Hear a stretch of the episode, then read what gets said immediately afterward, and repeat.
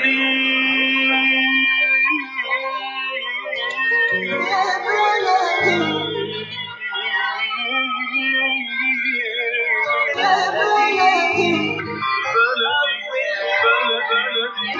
الذين ينضموا للاستماع إلى راديو بلدي اول راديو عربي أمريكي ويعنى بقضايا العرب في المهجر.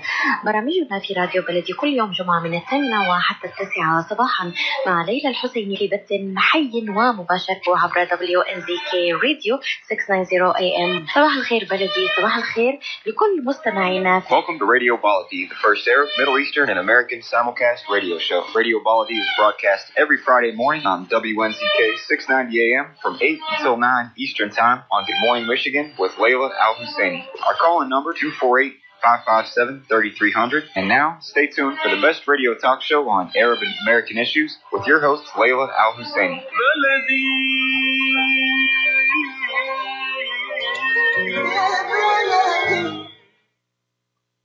Good morning and thank you for being with us. This is Khalil Hashem, editor via Michigan.com, the fastest growing digital business magazine in the Middle Eastern communities in Michigan. This show is brought to you in cooperation between Yeah Michigan and US Arab Radio. Today is Friday, February 21st, 2020. The month is going by so fast. And the weather is cold. Temperature could reach in the mid 30s later on today. Right now it is in the mid 20s. Protect yourself if you have to be outside. It is very cold. Thank you for being with us. The number here is 248-557-3300. Please give us a call should you have any questions or comment. Uh, there's a lot of news in the uh, in the forecast today for this week, for next week. Uh, this month has been very busy. We're going to be starting with an issue that is very important to the community, and that's the opioid crisis. Has been a lot of meetings. I've attended a few. There was a meeting last week. Uh, you know, the, the community is really grappling, not sure what to do with this issue, and we're not sure we're really dealing with it the right way. So today we, uh, we, we're going to be talking a little bit about that. And uh, with us, uh, Dearborn Police Chief uh, Ron Haddad. Good morning, Chief. Yep, good morning. How are you today? Good, how are you doing? Wonderful. Also with us is Mona Makki. She's the Director of Access, Community Health and Research Center, Chair of the Access 8 Arab uh, Health Summit. Uh, good morning, Ms. Makki. Good morning. Thank you for having me. Thank, absolutely. Thank you for your time, both of you. Chief, let me start with you. Uh, this is a serious issue. There has been a lot of meetings. Where are we? You know, here's where we're at. We all recognize that we have a opioid crisis that's probably bigger than anything this nation or the world has seen in recent times. Uh, there seems to be uh, a lack of direction on which way to go, and quite honestly, given the fact that in America alone, about every 11 minutes somebody dies from an opioid overdose, uh, whatever uh, you know solutions we offer are totally anemic to the issue. So um, you're right. We go to a lot of meetings, and um, awareness is a, is a beginning of fighting this. But I think we have to come up with a comprehensive commitment to stand against opioid uh, addiction in our in our city, in our community, in our country. We all know the hazards. You know, it's ironic what they did with the uh, coronavirus. You know, they can lock down a whole whole continent, lock down planes, lock down boats, and yet this opioid crisis, in my view, is much more threatening to our country and to our world. And we seem very uh, indecisive about a solution. Absolutely. How does it affect the law enforcement uh, side of it, Chief? Well, I mean, any type of addiction generates crime to support it. So in that sense, you know, uh, particularly property crimes, uh, auto thefts, stealing from stores, that kind of thing, uh, those uh, those uh, are on a rise and continue to, you know, plague our community. And you know, the, drug addiction problem is certainly fueling that. Um, with with the deaths, I think the entire community suffers a loss of a member. Uh, that's immeasurable. You know, pain, suffering, and the loss of a, a member that could otherwise produce something positive for the community. Uh, we continue to, uh, you know, try to apprehend people that are delivering the stuff, but those are complex, long-term cases, and obviously, given the uh, the supply chain that we we have to go up against, it's it's a very anemic approach. You know, when you stop and consider that uh, 90% of all the opioids in our country are coming through legal ports of entry. Let me say that again. 90% of all the opioids coming into our country come through legal ports of entry. You know, what kind of impact will I have on a traffic stop at three o'clock in the morning with somebody with a, a few a few pieces of uh, drugs in his car? You know, it's it's it's a monumental task, and the country has to take a much stronger view of that. Absolutely. Ms. Makki, uh, Access has, has done a great job serving this community. What, what are you doing now to really uh, deal with this issue? Uh, well, we, you know, as you know, Access has been doing this work uh, now for decades, and we offer uh, a wide range of services. We have a very comprehensive, holistic wraparound model of care. We focus on individualized care, meaning we are very person-centered in our approach. And as the chief uh, just uh, mentioned, this is a huge problem, uh, and we offer you know, um, we have certified substance abuse counselors that offer individual, family, and group therapy. We have psychiatric medication evaluation and review, supportive employment, care support, case management. Uh, we have a primary care clinic that offers uh, medication assisted treatment such as Vivitrol and Suboxone. You know, we've been doing Narcan training. Uh, that's a, a drug that's used to reverse an overdose. We have distributed over 200 kits to community members uh, and family members of loved ones who are using drugs. We also have our uh, Access Substance Abuse Coalition that focuses on community outreach, education, and awareness with a major focus on prevention among our youth. Um, so there's a lot that's being done, uh, but I think the problem, you know, that we acknowledge at Access is that it's not enough to just see uh, clients who come to us. We need more mobility and boots on the ground.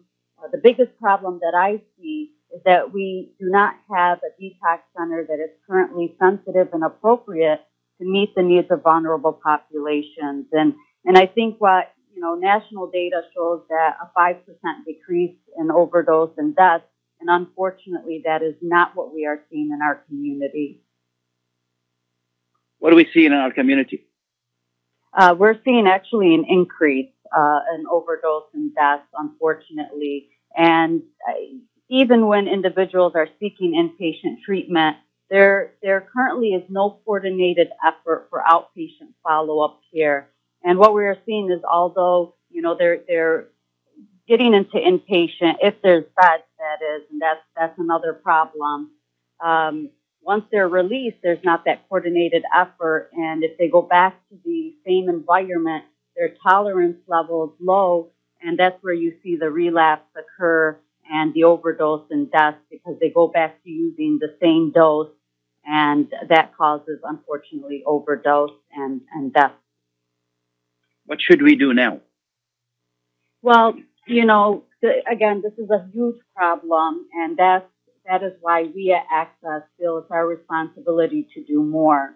Uh, Access plans to open a center that will help tackle this national epidemic with our unique blend of holistic services. Uh, it'll include both inpatient detox and extensive outpatient services. So in addition to all of the services that I mentioned, the center will offer yoga, medication, acupuncture, social services, housing, legal, and much more. You know, this is a, uh, addiction is a disease and recovery is a process. And what we are seeing is there's, there's several levels of, of this recovery process. And the first level is that detox, and that's, that's what's missing here.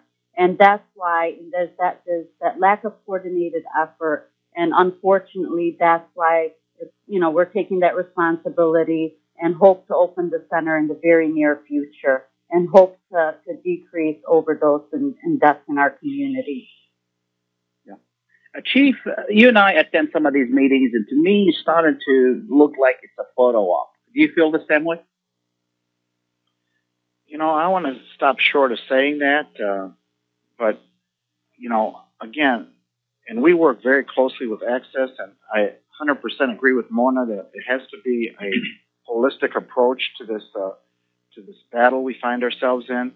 Uh, yeah, sometimes the meetings don't produce a lot, um, but simple awareness to attendees is not going to help with the problem. We need we need people that will reach out to the masses, whether they're schools, whether they're places of worship, uh, business uh, organizations, and really emphasize uh, staying off of the drugs in the first place, secondly, giving them awareness where they recognize somebody that might be vulnerable to to go on to, to drugs, you know, opioids, and you know, the sooner we can all work as a team to uh, stop it from coming into our community and into our homes is what I'm talking about here, particularly with young people, Sure, sure. because because Sure. the ages are getting younger and younger with the deaths. I'm sure that Miss Makki can confirm that, and um, you know, so the family unit, and then externally, schools, places of worship, uh, places of employment, any type of uh, leadership uh, position that the people depend on for guidance, for decision making, that uh, opioid crisis should take front and center and should be a top priority to do whatever we can to, you know, defeat it. And uh, it, is going to take a holistic approach. It is a mental illness. It's a disease. Uh, I think when you stop and look at the increased numbers of suicides of young people, behind most of them is is the addiction issue. And uh, so, you know, there's a lot of uh, other issues that, you know, come into the community and into our society that sometimes are overlooked. But when you look deep, it's, the addiction that caused them to commit suicide. They feel hopeless, uh, bewildered. They really don't want to be in that vicious cycle. And young people can't deal with, you know, issues. They end up committing suicide. And I think that's a tragedy in itself. Absolutely, absolutely. You know, it's uh, I, I've taught, I've spoken, you know, previously about a month ago, start doing some reporting on this, and I've spoken to a lot of families about it, and and it seems like most parents have no clue what's going on. How do we educate these people, Miss Makki? Uh, and that's where the uh, our ASAP coalition um, plays such an important role. And I want to thank all of our coalition members. And you know, there this is a community effort, right? And like the chief said, it involves our schools, our faith community. Um, all people in the community have to be involved in raising awareness and making sure that people have, know where to go to get help. I think that's the first important step is making sure that people have the resources and the tools that they need. Uh, I do want to mention uh, a collaboration with the Dearborn Police Department. I want to thank uh, Chief Haddad and uh, Captain Issa for this. We now have a substance use disorder advocate housed at the Dearborn uh, Police Department. And to date, we have seen, you know, over 130 cases and uh, over 30% are receiving treatment and counseling. And again, you know, we just have to keep raising awareness. We we, we got to continue this work and educating our community members. I mean, that's where it really starts. I remember, you know, we we um, when we first started this work, people didn't know where to go, and people were scared of law enforcement. They were, you know, insurance was an issue. You know, how do we get our loved ones to get the help that they need? And that's when we uh, started working with the Dearborn Police Department. You know, we received numerous calls on a daily basis. And, you know, just the stories are heartbreaking about what these families are going through. And one of the biggest issue is that, you know, we need help. Um, you know, our loved ones are, you know, maybe they're uh, being involved in crime and theft and, but they're scared to call the police. And now because of this partnership, they have access you know, to an advocate and a police officer who goes to the home, works with the family, and and the ultimate goal here is to get that person into treatment. So, you know, this is you know, this is one collaboration that has, you know, proved to be very, very successful. And we thank, you know, the chief uh, for this partnership. But but again, it's about raising awareness. It's, we have to continue to have these conversations, and we simply cannot give up. And, and I think that's the role that we play at Access. You know, we feel it's our responsibility, and I'm, you know, it's unfortunate every time we hear of a case of overdose or death. It's, it's, it's, you know, it's like losing a family member. I mean, it's very personal. Absolutely. Um, and and again, it's about continuing the work and, and raising awareness uh, and working with all community partners. You know, this is something when they say it takes a village, this truly takes a village, and it takes each and every one of us to take responsibility in this issue. Absolutely. If you could stay with us for just for a little bit, we're going to take a short break. We'll be right back. Please stay tuned. If halal is important to your family, you can trust that mm. Miramar will offer not only the mm. highest quality halal products, but the best tasting and healthiest foods that can be placed on your family table with confidence. Miramar is the first and oldest halal certified food brand in America, serving the Arab and Muslim community and offers a wide range of halal food products. Check out Miramar's halal food selection today by visiting Miramar's exclusive distributor, Ziad Brothers Importing at www.ziad.com. Rahma Worldwide Aid and Development provides humanitarian aid in several countries, especially in areas inside Yemen, Gaza, Syria, Lebanon, and Jordan, in addition to others in Africa and around the world. Rahma Worldwide provides food baskets, container shipment, medical supplies, mental health care, education, orphan sponsorship, soup kitchens, and more. Go to rakmarelief.org or call 248 990 4247. Any amount donated to Rahma Worldwide will go to sustaining many lives. Call now 248 990 4247.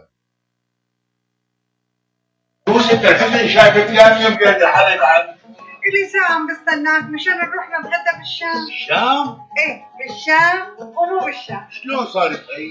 بدل ما نروح نتغدى بالشام ايه جابوا لنا الأكلات الشامية الطيبة لعنا لهم. وشلون بقى؟ هذا مطعم دماس عم يعمل كل الأكلات الشامية الطيبة. هو وطيبة؟ طيبة كتير. شرفوا نتغدى سوا بمطعم دمار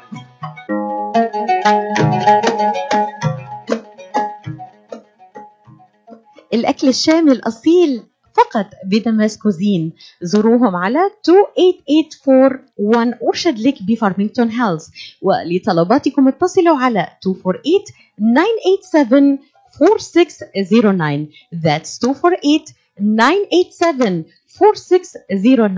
دمس كوزين and catering. جبنا لكم الشام لعندكم.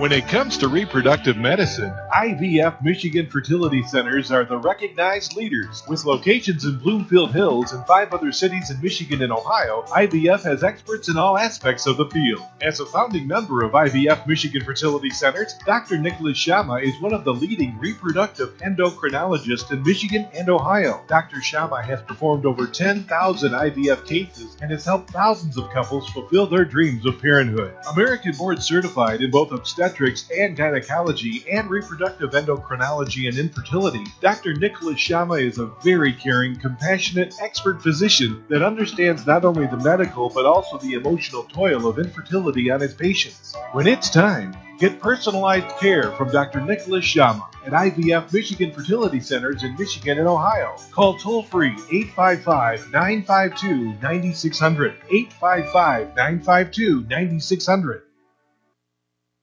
Welcome back and thank you for being with us. Uh, we're talking to Chief Haddad and Ms. Mona Makki of Access.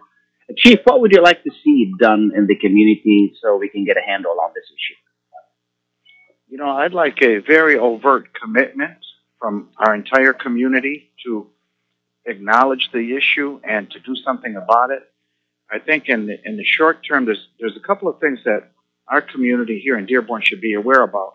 And number one, we have something called a special needs register, and they can go online and sign up. If they have anybody in their home who has a mental fitness issue, it could be autistic, it could be any kind of dependency, it could be poor mobility, bad, you know, no sight, hard of hearing. They could put that down on a special needs register, and when we get a 911 call, be it police, fire, or EMS, uh, we get a flag on that that they have special needs, and that might be the difference of saving someone's life or knocking at a door and someone can't answer because they might be on the basement floor somewhere. Um, the other thing we're working very hard with is our court to make sure that in those cases where we determine that addiction is the issue, we offer that subject a uh, you know an alternative to sign up in one of these programs. Our Veterans Court is very instrumental with that. But anytime we get a case where it's obvious that a person you know admits to addiction or it appears to be that way, we try to offer them uh, an alternative means in lieu of incarceration. And I think that's very important because we got to try to get them help or nothing's going to change for the better. So with those two things, I want our community to know that they're uh, available and our partnership with Access. If I could double it tomorrow, I will. And anyone else that wants to work with us. Absolutely. Ms. Makki, what do families need to know? Families need to know where to access services. I think that's the number one thing. And I think the biggest barrier right now that families, you know, face is the stigma that's attached to addiction. And we need to work together and we need to do more and we need to do better at educating our community um, and letting them know that there is help and there is hope. We have five recovery coaches on our team that are living proof that recovery is possible. And again, it's, it's, we, we need to be together on this issue. And when we see a family struggling or we see someone out there that needs help, we need to step it up. We need to make sure that that person gets the help that they need. Absolutely. So do we need we need to do more outreach, basically? We we need to all be on the same page um, in terms of addiction uh, and treating it as a disease and reducing that stigma that currently is attached to it. There's a lot of you know shame and failure attached to addiction, and you know when when a person who who's facing addiction relapses, that you know that again um, we have to be hopeful and we have to again work together and make sure that individual gets the help that they need and people need to know where to go you know for help um, and we're happy at access you know to to to be that liaison to be that provider to be that support that the families and individuals who are facing this crisis need Absolutely. Is there anything I haven't asked you, and how can people reach you? Uh, they can reach us uh, by calling um, Access, um, our mental health department, uh, phone number 313 945 8138. Um, and again, to reach out to help, and the help is there, and we're, we're happy to help anyone who is in need.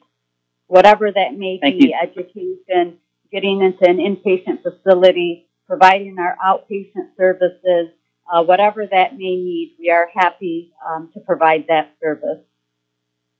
Thank you so much. I appreciate you taking the time to be with us.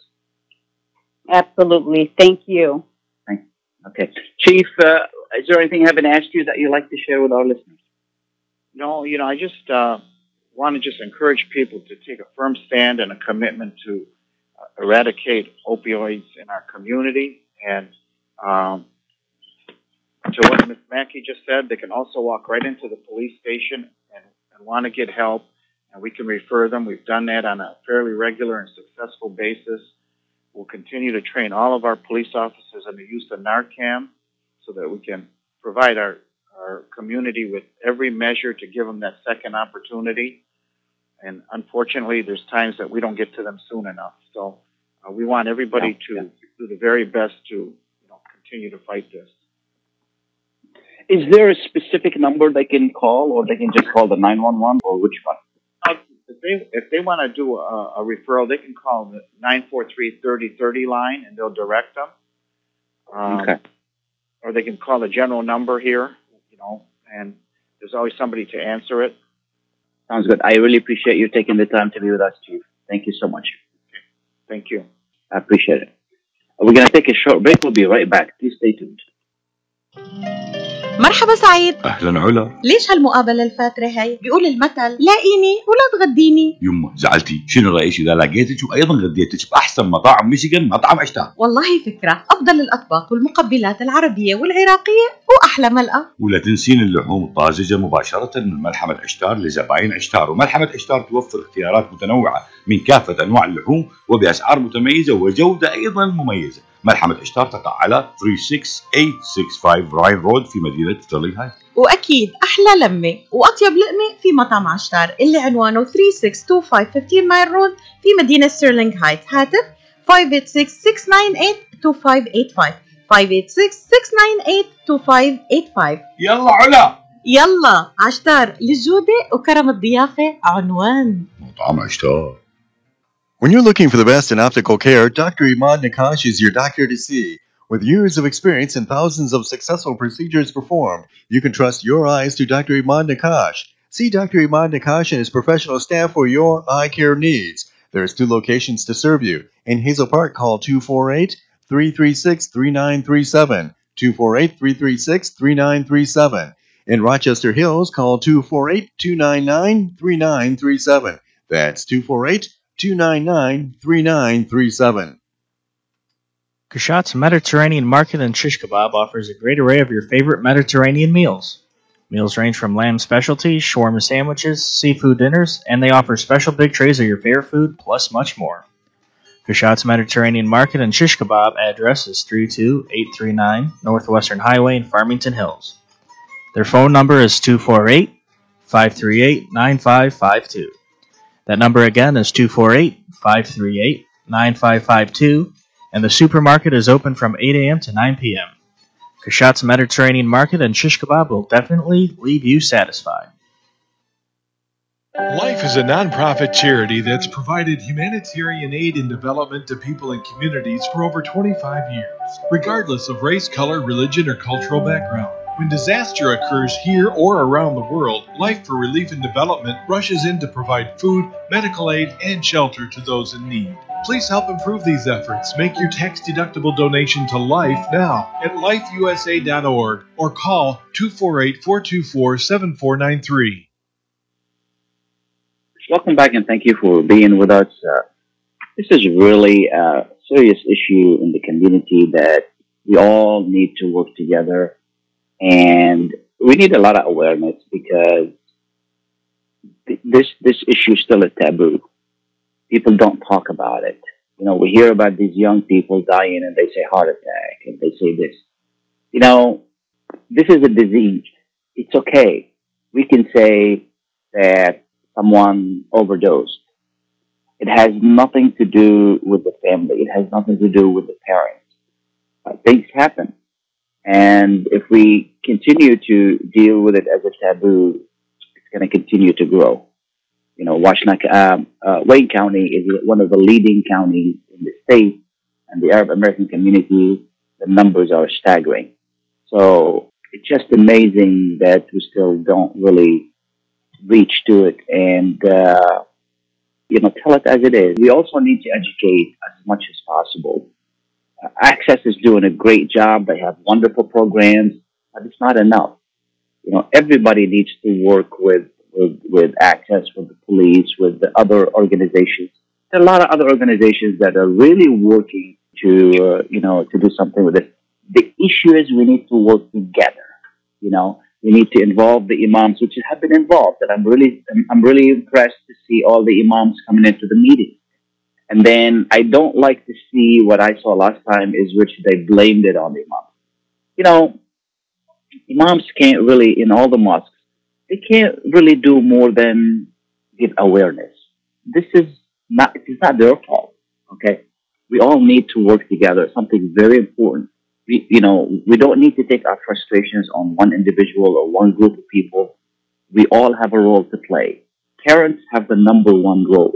They need to know what their children are doing. They can't blame it on anybody else. This is where it starts. It starts with parents. Is Hella with us this morning? Yep, yes, she is. Good morning, Hella. Good morning, Khalil. How are you? Good, good. How are you? Hella Senora is from uh, Life for Relief. Uh, could you tell us a little bit about you and your organization very quickly, please? Yeah, so I am the public relations specialist for Life for Relief and Development, a nonprofit organization located in Southfield. And what we do is we help with humanitarian efforts, you know, regardless of someone's race, cultural background. Uh, we respond to a lot of emergencies such as natural disasters and people that are affected by wars, refugees, and whatnot. And uh, I'm here today to discuss the uh, stereotypes of, you know, drug usage in the Muslim community. What kind of activities have you been involved with, and what, what kind of services do you provide in, in regard to drug activities? So at Life Relief and Development, we do provide education support for, um, you know, the youth and whatnot. We do have a community relations specialist that goes out and talks to the a variety of communities all over the U.S. regarding the stereotype that we have in the Muslim community with the drug issue. Um, and I think, you know, unfortunately, in the Muslim community, we have a reinforced culture of shame for those who are facing drug issues rather than, you know, showing concern and compassion. And I think this makes it difficult for those with a problem uh, to come forward and to get the help that they need to, you know, recover and get back on the right path. Absolutely, absolutely. So, do you do you distribute leaflets? Do you do what? What do you do exactly? So we have actually created uh, some posters and some just informational uh, materials for you know parents, especially as you said uh, previously. It is it's an issue that the parents have to deal with. It's, it's no one else that can really take care of the issue. And I know also for parents, it's not easy to to face. A lot of times, I think parents in the Muslim community tend to tor- tend to put shame on their child when they're facing this issue, and that's not going to make the issue go away. It's not going to make it better. Um, actually, it's going to do the complete opposite. It's going to make the child keep doing what they're doing. Um, and I think, you know, drug usage and abuse in the Muslim community has become very stigmatized for a lot of communities, disregarding the issue that's right in front of them. And many parents as well have turned, you know, the other cheek, and they'd rather be in denial that their child has a drug problem. But when they decide to face it, it's not either, and it's not always approached in the healthiest manner. Many times they want their child's drug issues swept under the rug um, in fear of ruining their, the reputation of the family name. And to me, this is not a way to approach a drug issue with one's child. I feel, you know, the healthiest way is to face the problem and come at it from a place of love and concern and to seek help from those maybe even in the community. We have a lot of doctors in the community, a lot of psychiatrists and psychologists that, you know, could help with this issue and there should be no shame in it. But unfortunately, uh, the Islamic culture has put shame on this issue and makes out that drug issues in the Muslim community do not exist. But I think we have to Actually, face, you know, reality. It's the middle. It's the Middle Eastern culture, not the, really the Islamic itself. You know, It is, because yes, we, we the see the problem. Yeah, we see the problem exactly. It's a Middle Eastern issue because we see the problem across different, you know, religions.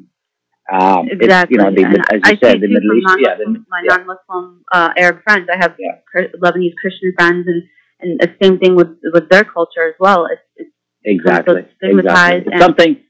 Something you know, courtesy, of the courtesy of the Middle East. Yeah. Yeah, absolutely. exactly. And I think that a lot of times, you know, coming from the Arab culture, a lot of parents feel like, oh, this isn't, this is a drug issue is not an issue that is faced in the Arab culture, but we fail to realize that yes, we may be Arab, but we're also human.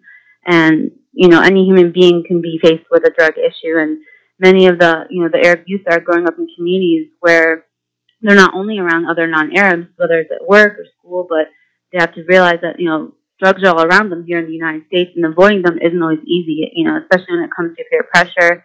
And to me, I think the best way to make sure one's child isn't falling, falling into this pressure is to talk to them, you know, level-headedly and with love and understanding rather than shaming them because kids, as we know, they don't like to be told what to do and what not to do. But I think if, Yeah, you know, a parent approaches them, you know, with a different place of concern rather than rage and madness, um, that shows, you know, the consequences of the potential actions that drug usage can come, it can prevent the issue from taking over a child's life. And we see Yeah. a lot of parents, they tell their child not to do this, not to do that, but the whys are gone. Yeah. yeah. I know you haven't been with the organization long, but what kind of success have you had? So I know that um, we have Abdul Wahab. He is our community relations director, um, and he helps a lot with going out into the communities and, and whatnot. And he's gotten very good positive response back, especially from the parents. Um, I think a lot of times parents, a lot of the parents are raised overseas, and coming here, we have to look at it from their perspective. I know my father was raised overseas. It's not easy to raise a child in a country that of the unknown. I say it's fear of the unknown. And I think um, what Abdul Wahab has really done successfully is shown that you know it's okay if your child has an issue. Your child doesn't make them any less of a person, it doesn't make you any less of a parent. And I think he successfully has shown that, and he's actually approached it in a way to show ways that you can help your child to recover. And it's it's not, you know, when, unfortunately, when a drug issue hits a fam- uh, a child, it, it also affects the family. It's not just the child; it's the family as well. And I think he's, Absolutely. he's definitely brought brought that into perspective for for families as well, and he's helped them to relate. Um, and to feel that they're not alone in, in a situation. And I, I have to give him credit for successfully doing that. Thank you so much. If people need to reach you, how they can reach you? Um, so I can be reached at um, my email is H um, S as in Sam A N as in Nancy Y U R A H and then I can also be worked um, reached at my work phone number which is 248 424 7493. So is this the number for people that need help with regard to the drug issue? Yes. So and then I can also if you would like Khalil I also can give you my cell phone work number. Okay. Go ahead. That is two four two four eight three two zero Okay. nine eight six seven. Hala, And thank you the so first- much. I really appreciate it. Yes, the first number Yeah, I go can ahead. use, Khalil, I'm sorry. The two four eight four two four seven four nine three. My extension is three seven two seven on that number. Sounds good. Thank you so much. I really appreciate your being Yes, with us thank this you for your morning time, and Khalil. taking the time to be with us. Absolutely. Thank you. We're going to take a short break. We'll be right back. Please stay tuned. Life is a nonprofit charity that's provided humanitarian aid and development to people and communities for over 25 years, regardless of race, color, religion, or cultural background. When disaster occurs here or around the world, Life for Relief and Development rushes in to provide food, medical aid, and shelter to those in need. Please help improve these efforts. Make your tax deductible donation to Life now at lifeusa.org or call 248 424 7493. If halal is important to your family, you can trust that Miramar will offer not only the highest quality halal products, but the best tasting and healthiest foods that can be placed on your family table with confidence. Miramar is the first and oldest halal certified food brand in America, serving the Arab and Muslim community and offers a wide range of halal food products. Check out Miramar's halal food selection today by visiting Miramar's exclusive distributor, Ziyad Brothers Importing at www.ziyad.com. Rahma Worldwide Aid and Development provides humanitarian aid in several countries, especially in areas inside Yemen, Gaza, Syria, Lebanon, and Jordan, in addition to others in Africa and around the world. Rahma Worldwide provides food baskets, container shipment, medical supplies, mental health care, education, orphan sponsorship, soup kitchens, and more. Go to rahmarelief.org or call 248 990 4247. Any amount donated to Rahma Worldwide will go to sustaining many lives. Call now 248 990 4247. Are you going to start a restaurant or a grocery store soon? Do you need floor plans and designs? Call Naji Abood at 734 744 9796. Do you want to buy kitchen and restaurant equipment at discount prices? Call Naji Abood now 734 744 9796. New Concept Products and Design, the trademark of kitchen equipment. 5% discount on all purchases of $75,000 or more. New Concept Products and Design. New location 31 185 Schoolcraft in Livonia. Learn more at www.newconceptproducts.com. Call Naji Abood 734 744 9796. Welcome back and thank you for being with us. The number here is 248 557 3300. We're going to be switching to a different topic, uh, and that is obesity. You know, if you notice, uh, they, they, you know, I was, I was doing some research the other day and I noticed that Americans are becoming more and more obese, and it is affecting our community tremendously. So we asked our friend Dr. Ashira, Dr. Ali Ashira, to be with us, and Dr. Ashira is a board certified uh, neurologist, and he is diabetes and obesity specialist. He graduated from Wayne State University. He practices in Dearborn and Taylor, and is affiliated with Beaumont and Harbor Hospitals. Good morning, Dr. Ali. Good morning, Mr. Khalil. How are you doing? Thank you. Good, good, good. And thank you so much for being with us this morning. I know your schedule is very busy, but I really appreciate you taking the time. So, what is obesity? Obesity is uh, a real problem. It's a real disease. It's a serious medical condition uh, defined by abnormal or excessive fat uh, accumulation in the body, which puts your uh, your health at risk. And how do you define somebody? Well, this person is obese, this person is not. Well, uh, I'm. I mean, some sometimes we use a formula called the body Okay. mass index, or shortly uh, BMI, and anybody can just uh, you know use Google to calculate uh, his or her BMI. There are a couple numbers you have to put there: your weight, your height, and then you come up with a number. And based on that number, we're able usually to tell if you're overweight, normal, or uh, obese. How, how, how common is it in our community? It's ex- extremely, ex- extremely, extremely common. You know, obesity is now considered one of the most serious public health problems uh, of the 21st century. And it's, uh, it's estimated that about 39%, almost 40% of adults in the United States uh, are obese. And about 7.6% of them, they have severe or morbid obesity. So 40% are obese and about 30% they're overweight. So you're talking about 70% of our population, they have either obesity or overweight. That's two thirds of the country. So that's why it's, it's something very, very serious. Yeah, what's the difference between the two, obese and overweight? The difference is, as I said, we calculate the BMI, and based on that number, you know, um, we can tell. Um, the normal BMI is anything between 18.5 to 25. So if you get that number between 18.5 to 25, you have a normal BMI. Between 25 to 30, that's overweight, and anything above 30 is obesity. And then we start ca- uh, classifying obesity class 1 above 30, class 2 a BMI above 35, and uh, class 3 obesity or morbid obesity for any BMI above 40. So if somebody has a BMI above uh, above 40, that's uh, morbidly obese and should be very, very alarmed and take um, serious actions. Absolutely. So, what causes obesity?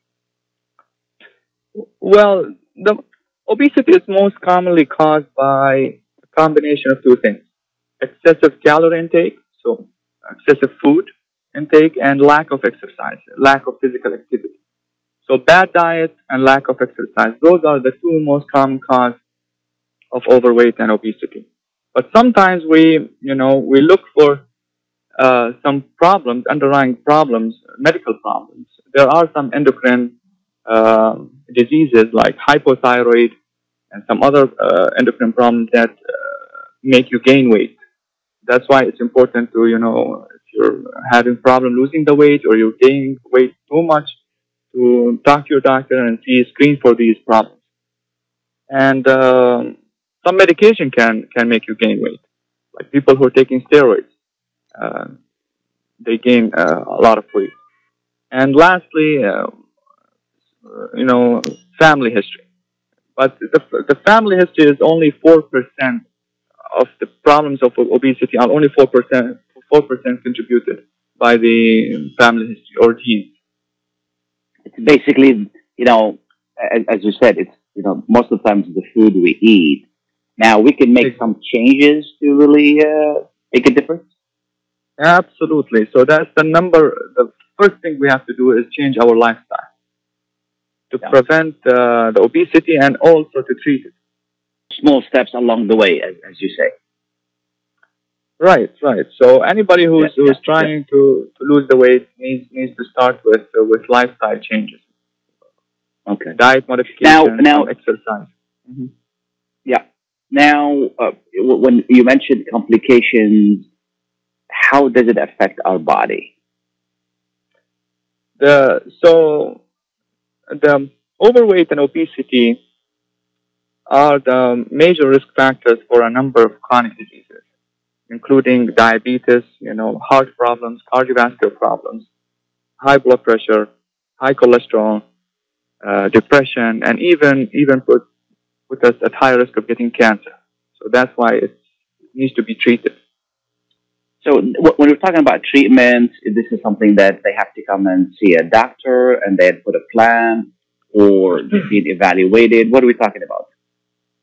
Right. So first, like uh, once again, everybody needs to start organically, meaning start by diet and exercise. Those are two, the two first two things we have to do. Lifestyle uh, changes. We start with the diet and exercise, and then if that is not uh, working, or people who fail, you know, to lose the weight by doing these two things, um, then we do have um, some medication that can help people lose weight. Uh, talk about FDA approved medication for weight loss.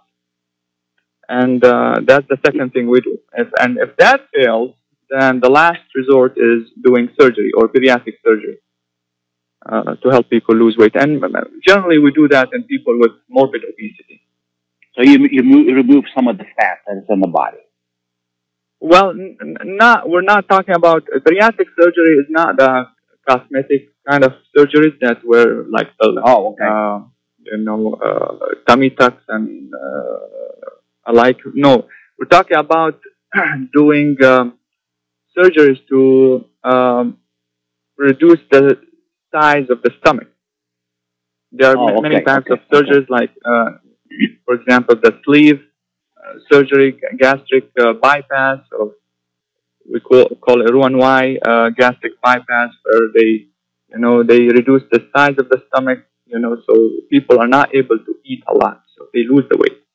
So they reduce um, the space where, you know, put the food in. You know, this, this really requires a lot of discipline to really change the way we eat, and it requires quite a bit of education too. I mean, I notice myself if I indulge over bread and, and sweets, my, my waist gets a little bit tighter, and then I lay off of it, you know, but it's not as easy as I make it sound. Is that correct? Absolutely, it's not. It's not that easy. It's not easy at all. You know, we all talk about the diet and exercise, but uh, ab- you're absolutely right. It's not everybody can can do it, but like you said, it takes discipline. So everybody na- needs, you know, whoever is listening, you know, first thing you have to do is just calculate your BMI.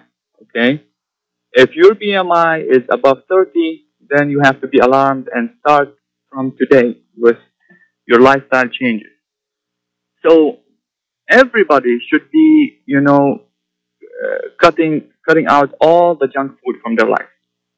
We should not be discussing about, you know, junk food, the pop, Pepsi, juices, candy, ice cream. This is in, in my clinic. When I talk to my patients, this should be eliminated. That's the first step. Okay, everybody should be thinking about the healthy food: salads, fruits, you know, vegetables, fish, chicken. But at the same time, they have to uh, think about the calorie intake. Not only healthy food, but we have to restrict our calorie in order to lose the weight. Like I had a patient that mentioned, like you mentioned, he, he said, "Oh, I'm not eating no bread, no rice, no pasta, no nothing. I'm just, you know, chicken breast and fish." But then I asked him, "How much? How much you eating?" He said, "Like I'm eating four, four, five pounds of chicken breast. That's a lot of calories. So even though is, he's trying yeah, to eat it is. healthy, but he's putting too many calories. That's too much. And and your body, if you're eating th- th- this amount of calorie and not, you're not burning, everything turns into fat. You know, all these macronutrients, whether are carbs, fat, protein, if we're not burning them, they all the extra calories they turn into fat, and we accumulate the fat as um, you know and we become obese. Absolutely. You kind of answered my second question: Is what, what's the best diet to lose weight? You know. Well, that's a, that, that's a very, very good question. I get this question a lot in my clinic. You know, people ask me what they should be eating and what not. And I tell them, the studies actually showed that any diet works. Any kind of diet for, for, for weight loss works. Whether it's a keto diet, a DASH diet, Atkins diet, a Mediterranean diet. I, I tell them, I don't care if it's a low carb, high fat, high protein diet. The key is, the key as we mentioned, it has to be a low calorie diet. Um, because like I said, if you're eating only chicken breast, but you're eating too much, that's a lot of calories. So you have to restrict your calorie intake. So the, the, the answer is any diet, any diet, but uh, it has to be a low calorie diet.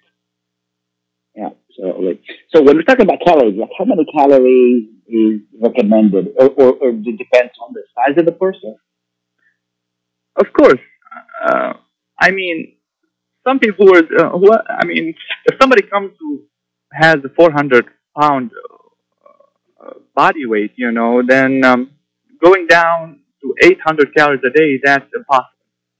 They're going to be Yeah. very, very, very sick.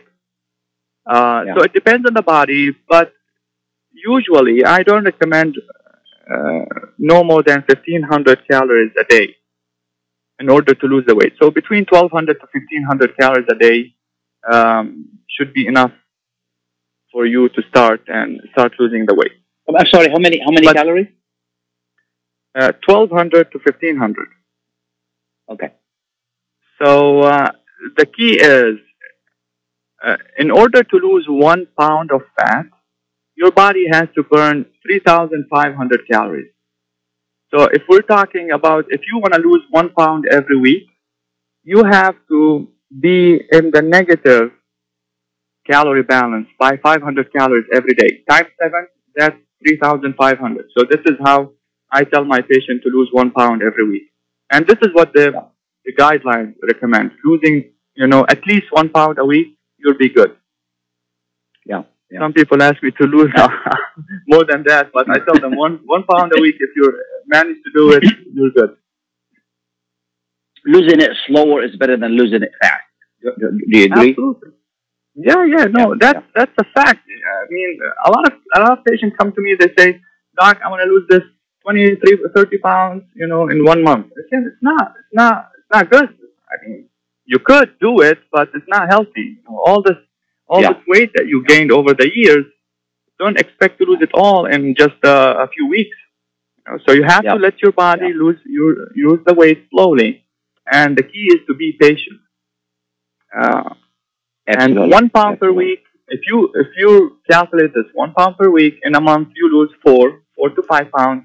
In three months, you lose between twelve to fifteen pounds. Twelve weeks, twelve pounds, and then you can you start setting setting. The key is setting small goals. If you put small goals, you're able to achieve the big one. Absolutely, absolutely. Mm-hmm. Is there anything I haven't asked you that people need to know?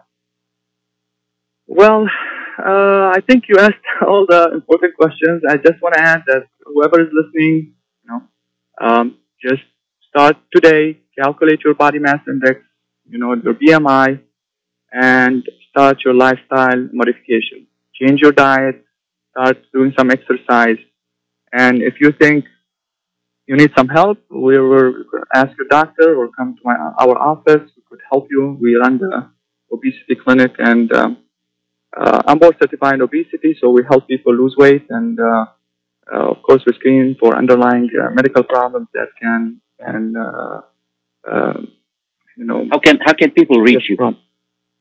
Well, our number is um, they can they can Google it, Google our uh, office, and uh, the phone number is three one three six zero zero four six six nine.